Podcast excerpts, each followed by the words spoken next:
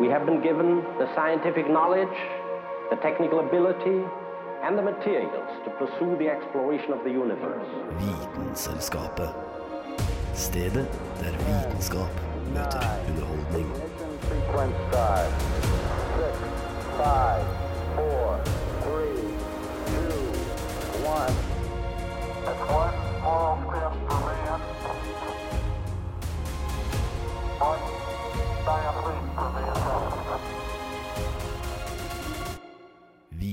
Vitenselskapet. Hei, hei, hei. Velkommen til ny sending. Det er hyggelig at du vil tilbringe den lille tiden her med oss. I studio med meg i dag så har jeg Christopher Ramage. og Juliane Liefjell. Yay! Og vårt eh, Det vi skal snakke om i dag, er eh, litt om fermentering. Hvilke produkter som eh, blir fermentert, og hvordan man gjør det. Så hvis du er litt usikker på hva fermentering betyr, bli med videre i programmet, så skal vi finne det ut sammen. Å vite vet Vitenselskapet.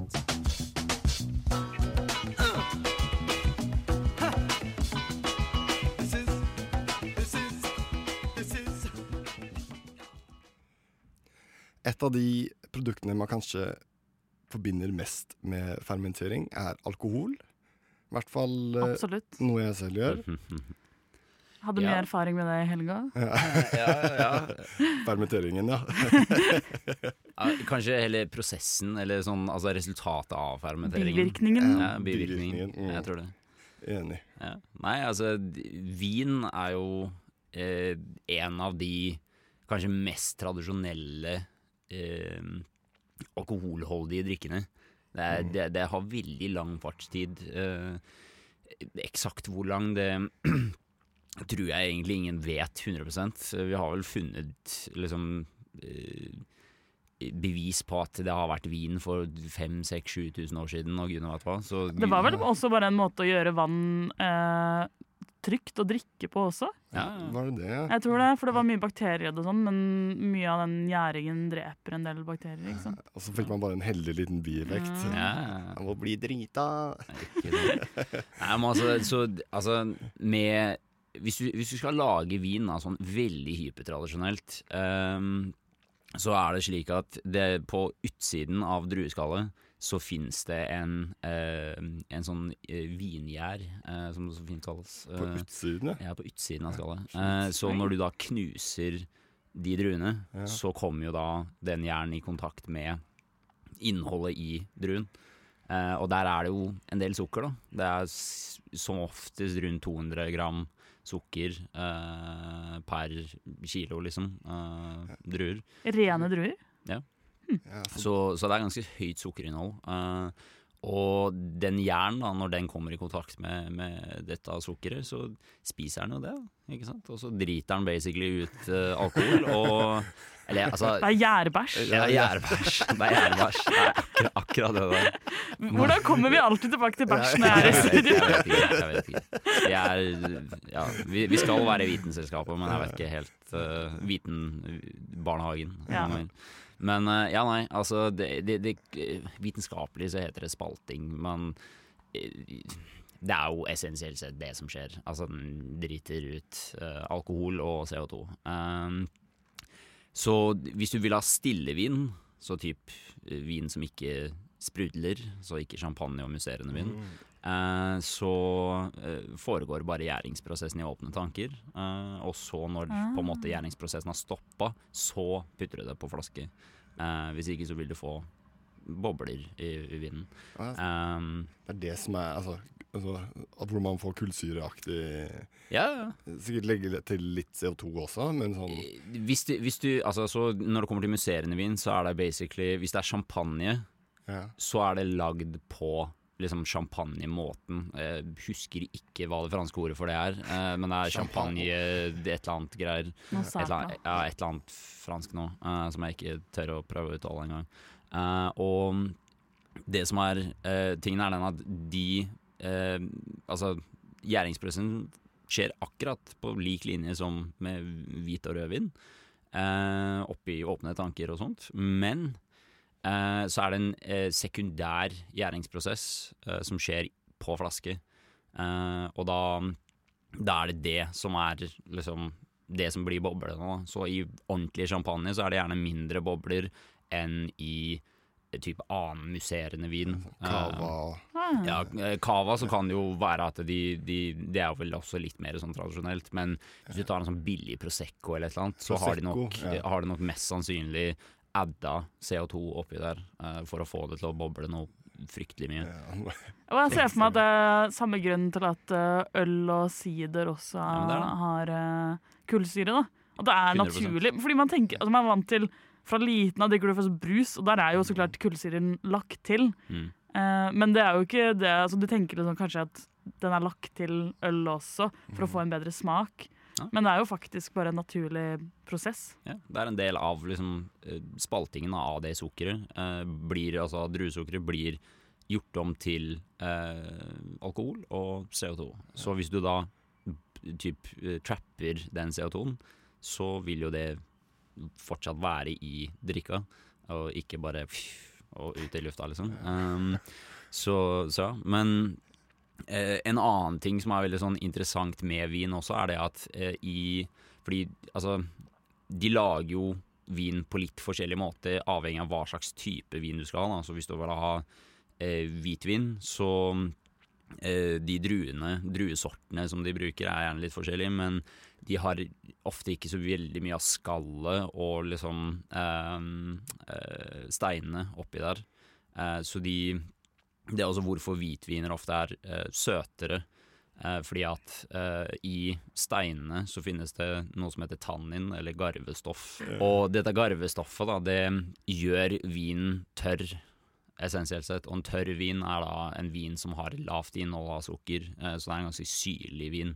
Et godt triks, da, og, og fordi spesielt i rødvin, fordi i rødvinsprosessen, så når de lager rødvin, så bruker de ofte da skallet og eh, disse steinene oppi, så skallet gir da fargen til rødvinen.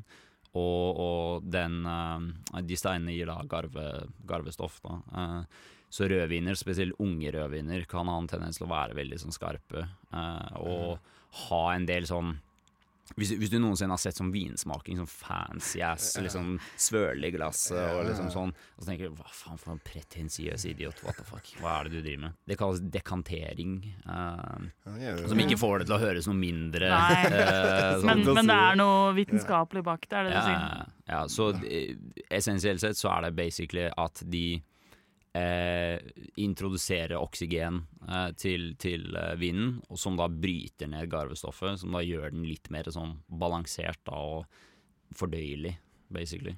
Så, så, så da har dere kanskje lært noe mer om, eh, om vin, Ja, forhåpentligvis. absolutt. Hæla i taket med Vitenselskapet.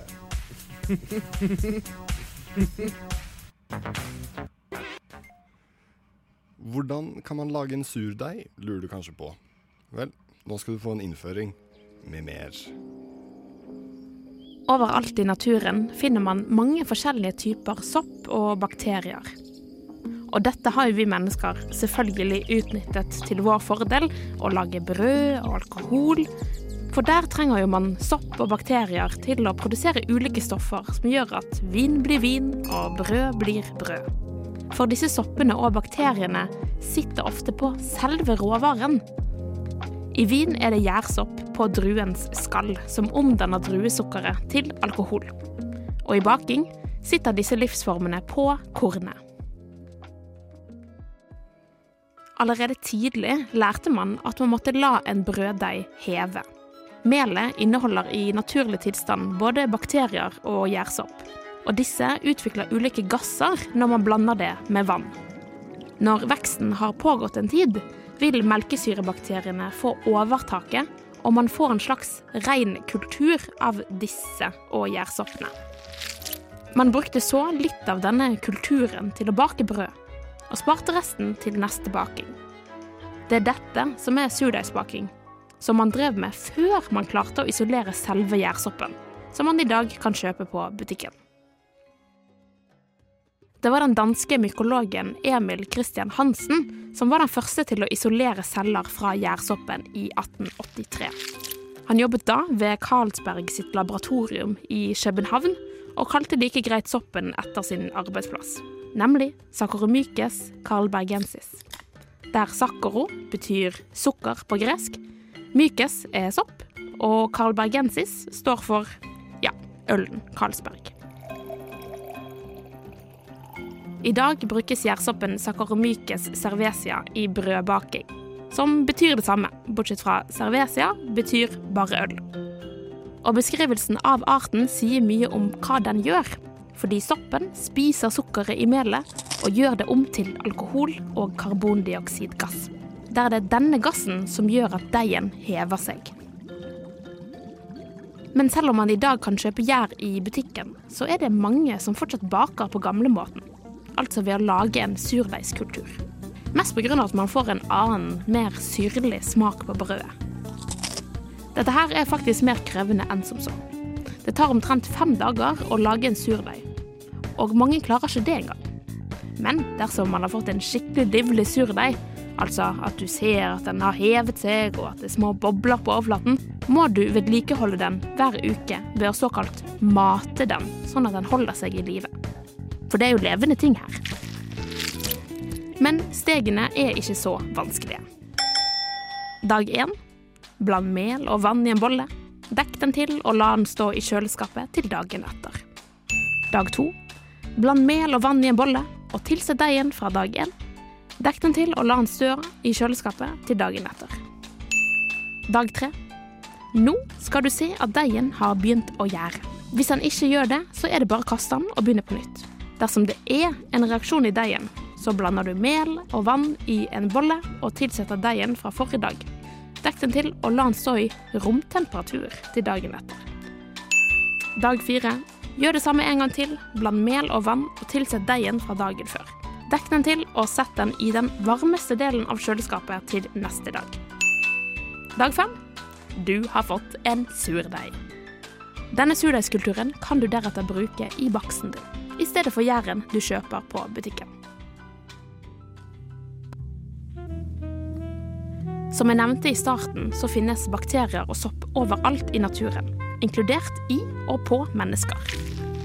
Eksempel har omtrent 20% av alle kvinner en type gjærsopp som er en del av skjedens normalflora. Denne soppen elsker østrogen, som gjør det at gravide oftere får sopp. Uansett, det er ikke det som er interessant, for denne type gjærsoppen er ikke helt lik som den man kan kjøpe i butikken når man skal lage brødboller. Men det stoppet ikke den britiske bloggeren Zoe Stavry fra å grave ut utflod ved hjelp av en dildo, som hun deretter lagde en surdeigskultur av, og til slutt et brød som hun spiste. Og ifølge bakeren selv var smaken pretty damn nice. I really, really liked it. Ja, ja. Noen mennesker finner på de rareste ting, men denne saken ble laget av Anna Vik Rødseth. Vitenselskapet. Vitenselskapet på Radio Nova.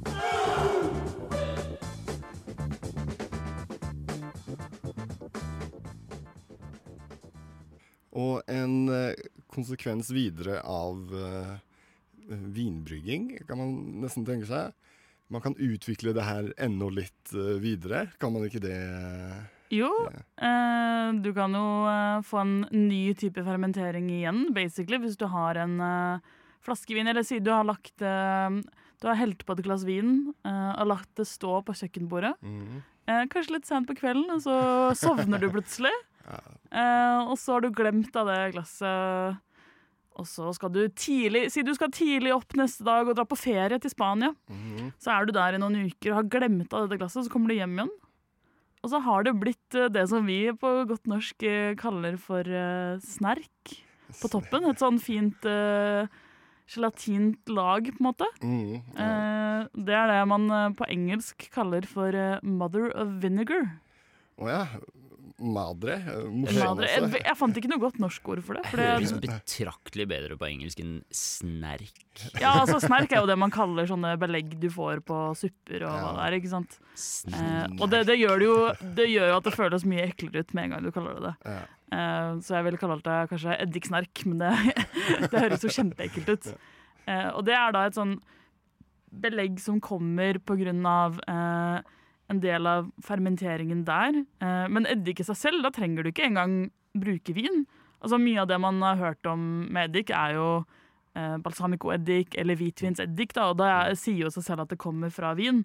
Ja. Men eh, jeg begynte å lese om dette her, og du kan faktisk lage vin, nei, unnskyld, eddik veldig lett selv.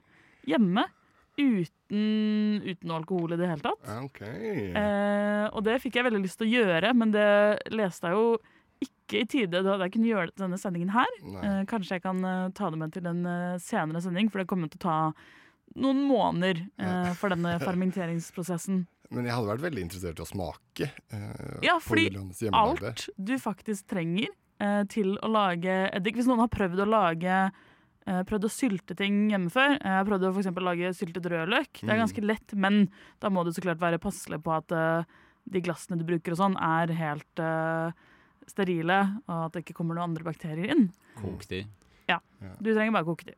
Eh, men for å lage eddik, eh, basically, veldig lett. Bare kutte opp noe frukt eh, og, bland, og putte oppi litt vann. Og så har du det i en glasskrukke, helst, da, som er steril. Ja. Og så tar du et kaffefilter over, eller du kan bruke en klut òg, men da vet du at det er helt rent. Eh, tar en strikk rundt. For det, må, det kan ikke være lufttett, fordi det kommer igjen uh, til å bli litt uh, karbondioksid. Det kommer til å være litt sånn bobler. Mm. Så hvis du tetter den inn helt, så kan det sprekke. Men altså, sånn, du kan jo også gjøre det her med med vin eller noe, f.eks. Uh, og det som er viktig, er at du har noe Du kan også legge til sukker, men det er jo sukker naturlig i, i, i frukt. Så du trenger ikke ha noe ekstra sånn sett. Nei. Eh, og så venter du Det er vel noen par uker først. Eh, og da må du, du må røre i den hver dag, da. Eh, så det er litt sånn som sur deig, på en måte. Du må gjøre ganske mye. Ja. Eh, og så skal liksom den første delen av fermentering være over, og så tror jeg fortsatt du må røre i den ganske mye de første ukene. Ehm, men altså, det er på en måte bare det. Og så etter noen kanskje en måned eller noe, da, så kan du jo uh, filtrere ut uh, disse restene da, av, eh, av hva enn frukt eller bær du har brukt. Så hvis du, altså, hvis, du bruker epler, Ja. så får du jo basically sånn eplesidereddik. ja, Eh, hjemmelaga. Så det, Ja. det frister å prøve å lage noe til, til julegaver, hvis dette her funker, da. I hvert fall hvis det er så enkelt også. Jo, Ja. men er det så enkelt? For da, altså jeg føler alle som driver snakker De, de som driver med sånn her surdeig og sånn, er sånn her ah, Du burde også gjøre det, fordi det er så enkelt. Ja, det er enkelt. Det er Altså, ikke- dette her vil jeg jo si er enklere, gjøre- da, fordi ja, med du må greia med- gjøre mye for det. Ja, uh, Surdeig er jo mer sånn du må bytte ut en del av det hver dag, og du må passe på at det ikke kommer noe Altså Det her, det var det som var veldig kjekt med eddik òg. Det kan jo hende at det kommer litt sånn mugg på toppen. Mm. Eh, og alle stedene hvor Altså fordi det er eddik, fordi det allerede er på en måte Du begynner jo fermenteringsprosessen, som betyr at du på en måte lager alkohol. Det blir jo ikke en veldig sterk alkohol, så det er jo ikke noe sånn moonshine-aktig. Men uh, det, det gjør jo at det er litt tryggere, sånn jeg skjønte, da. Uh, Jeg er ikke noe biolog, men eh, hvis det kommer litt mugg på, på toppen, så virker det som du Det er ganske trygt om du bare tar det bort, hvis du tar det bort fort nok. Yeah. Hvis det fortsetter å, å mugne i flere dager, så er det sånn OK, start på nytt. Men hvis du klarer å redde det da, fra at det har mugna én gang, Ja. og det ikke virker som det mugner på nytt, så er det, så er det ganske trygt. Ja, og da har du, så når du liksom har straina ut all eh, frukten, uh, så lar du det ligge igjen. Og ikke i kjøleskapet engang. Det, var bare sånn, det skal jo være i ca. romtemperatur. Mm -hmm. uh, lar det vente noen ja, måneder. Da er det jo på en måte den aldringsprosessen, da. Så du bare venter på at uh, etter en stund så har du en uh, perfectly good eh, eddik som du kan gi julegave da, hvis du begynner nå. Ja, ikke sant? Og jeg lurer på hvor begrensningene går også. Kan man liksom kiwi-eddik? Ja, ja, ja, jeg så video, ja. da lagde de alt mulig rart. Men det beste var tydeligvis å lage det av tørka frukt. Da var det mindre sannsynlig for at det ble, ble muggent. da. Ja, Så riktig. rosiner Rosin- var visst det de hadde lagd av. Faen. Men det smaker jo kanskje litt mer som uh, vin, da, siden det er altså det er jo druer. Jo. Ja, kanskje noen av dere skal prøve hjemme, og så send gjerne et eksemplar av det helt ned til Radio Nova. Og skal Julianne prøve det. Vitenselskapet.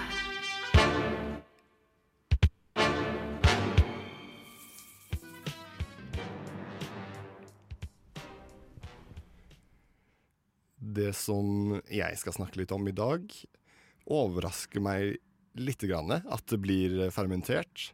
Men salami er tydeligvis noe som blir fermentert. Um, Jeg føler jeg har hørt om det, men jeg skjønner ikke helt på hvilken måte. Altså sånn, jo, jo, vi spiser jo fermentert kjøtt, sånn rakfisk og den Ja. type ting, men jeg har aldri tenkt over at pølse Nei, ikke jeg heller, for jeg begynte å sjekke litt oppi det. Og når man leser seg litt mer på det, så blir man ganske overraska. Fordi eh, det er Man begynner jo med selve kjøttet. Eh, jeg så på en sånn video. eh, For å De- håpe at det, prosessen begynner med kjøtt, og ikke med liksom, fermentering, og så er det liksom du fermenterer dyret. Ja, for du blir jo skeptisk med en gang det er ferment, altså, kjøtt, og så er det liksom Lite grann. Ja. Og det kan være noe av det mer farlige å fermentere hjemme. Så Mm. ikke noe som anbefales. Og helst ikke sende inn til oss eh, der. Kristoffer kan prøve. Nei takk. Da blir det sånn kjemisk eh, bombe som kommer. ja. Og vi, man, tar, man tar da kjøttet av hva enn man ønsker, ofte gris. Man lager kjøttdeig hvor man tilsetter krydder, litt sånn nitrittsalt, men også det viktigste, man tilsetter en starterkultur. Ah. Og hvis man ikke har hørt ordet Er det som en starter-Pokémon-type ting? ja, du må velge enten tre, ild, vann eller gress. Eh, Men det er altså en blanding av eh, mikroorganismer som eh, består av bakterier og gjær. Det er da altså den starterkulturen. Det her bruker man mest for å få eh, den fermenteringsprosessen i gang.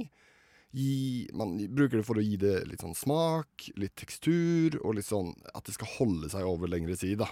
Det bakteriet og det gjæret man legger til, er ofte melkesyrebakterier Ah. og muggsporer. Så når man har fått blanda all den eh, all det kjøttet med krydderet og den starterkulturen sammen, da tar man ned i sånn eh, kvern og lager noen lange kjøttpølser. Du tar en sånn kondom eh, nesten på, på utsiden av den kverna.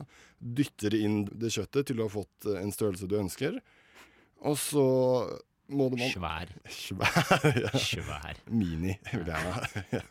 Men eh, det skal være så stramt man kan. Eh, og når man er når man Er du sikker på at vi snakker, fortsatt snakker om salami her? Det, det ble plutselig veldig seksuelt her. ja, Jeg vet ikke helt hvilken video jeg så på. Nei, det, det høres ut som du har vært på en annen nettside enn det du kanskje burde vært. Ja, Ja, vi lar deg fortsette likevel, vi, ok. Jonathan. Herlig. Fordi nå begynner fermenteringsprosessen. Og det er veldig mange som gjør det her forskjellig. Noen går hardt ut med en gang, og så det var tull.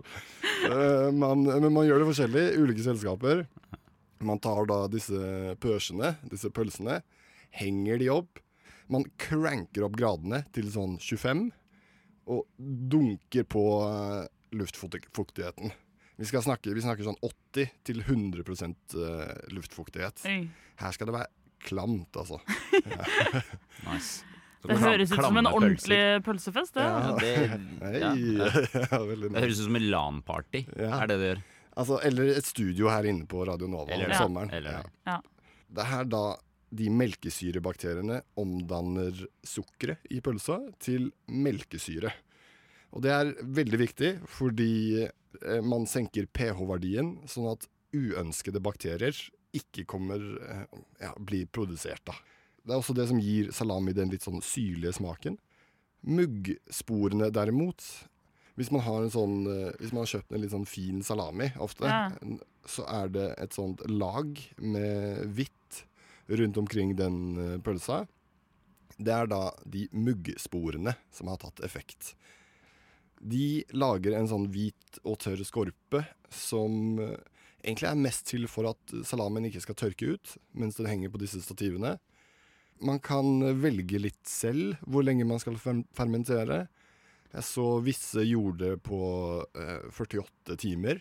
Jeg titta på en fyr som eh, lot det fermentere i seks dager. For å få sin egen lille unike smak da, på den salamien her. Du, du satt og titta på en fyr med pølsene?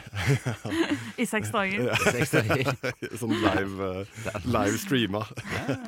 Eh, Men også når man har gjort det, så er det bare å Eller bare og bare, men da skal du tørke salamien alt fra 21 til 70 dager. Eh, Det er derfor du ikke har med deg salami i studio i dag. Hjemmemekka salami. Hjemmemekka salami. Jeg har en som eh, kroppen min lagde. Ja. Jeg vet ikke om den er så god, men uh... Jeg holdt på å si jeg, jeg syntes du skulle tatt med en til oss, men nå tar jeg det tilbake. ja, det, kanskje. Jeg har fått veldig dårlige tilbakemeldinger på smak i ett. Er det fordi du har latt den fermentere i 72 dager? Ja, det var et par uker militære der hvor det ute i felt. Ikke bra. Hvor man klarer seg. Men uh, uansett, eh, til kontra det andre vi har snakket om, så anbefaler jeg ikke å fermentere din egen salami.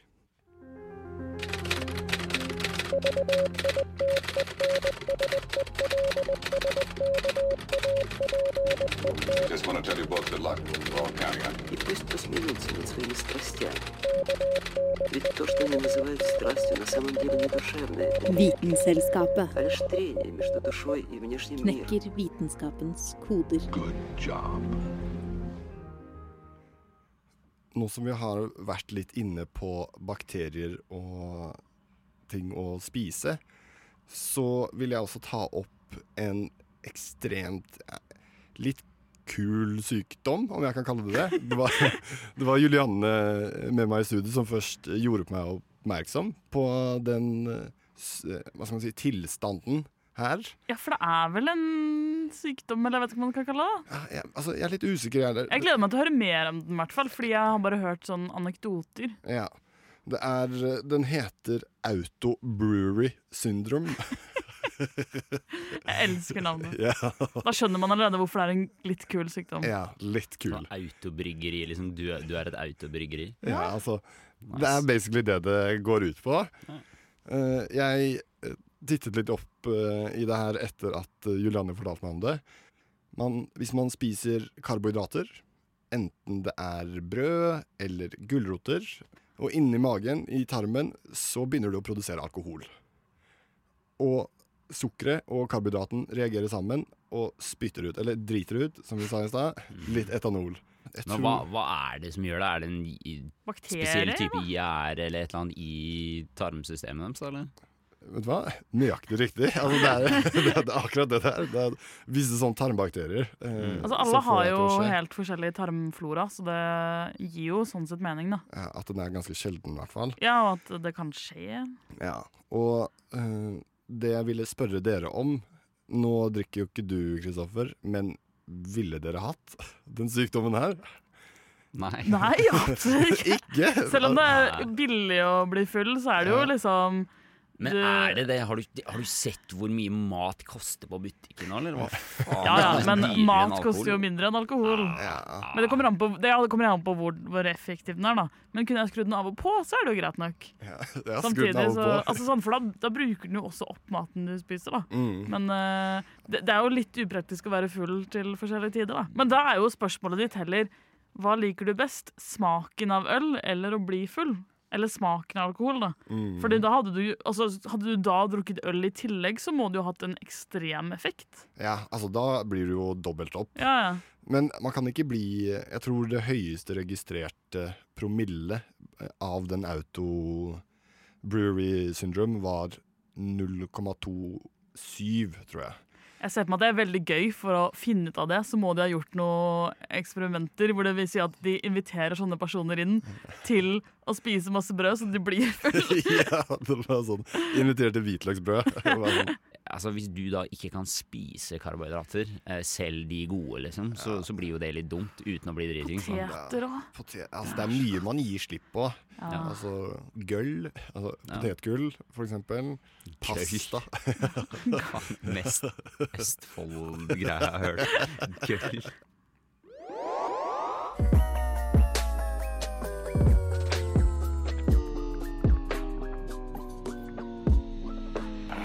Vitenselskapet. Takk for at du hørte på.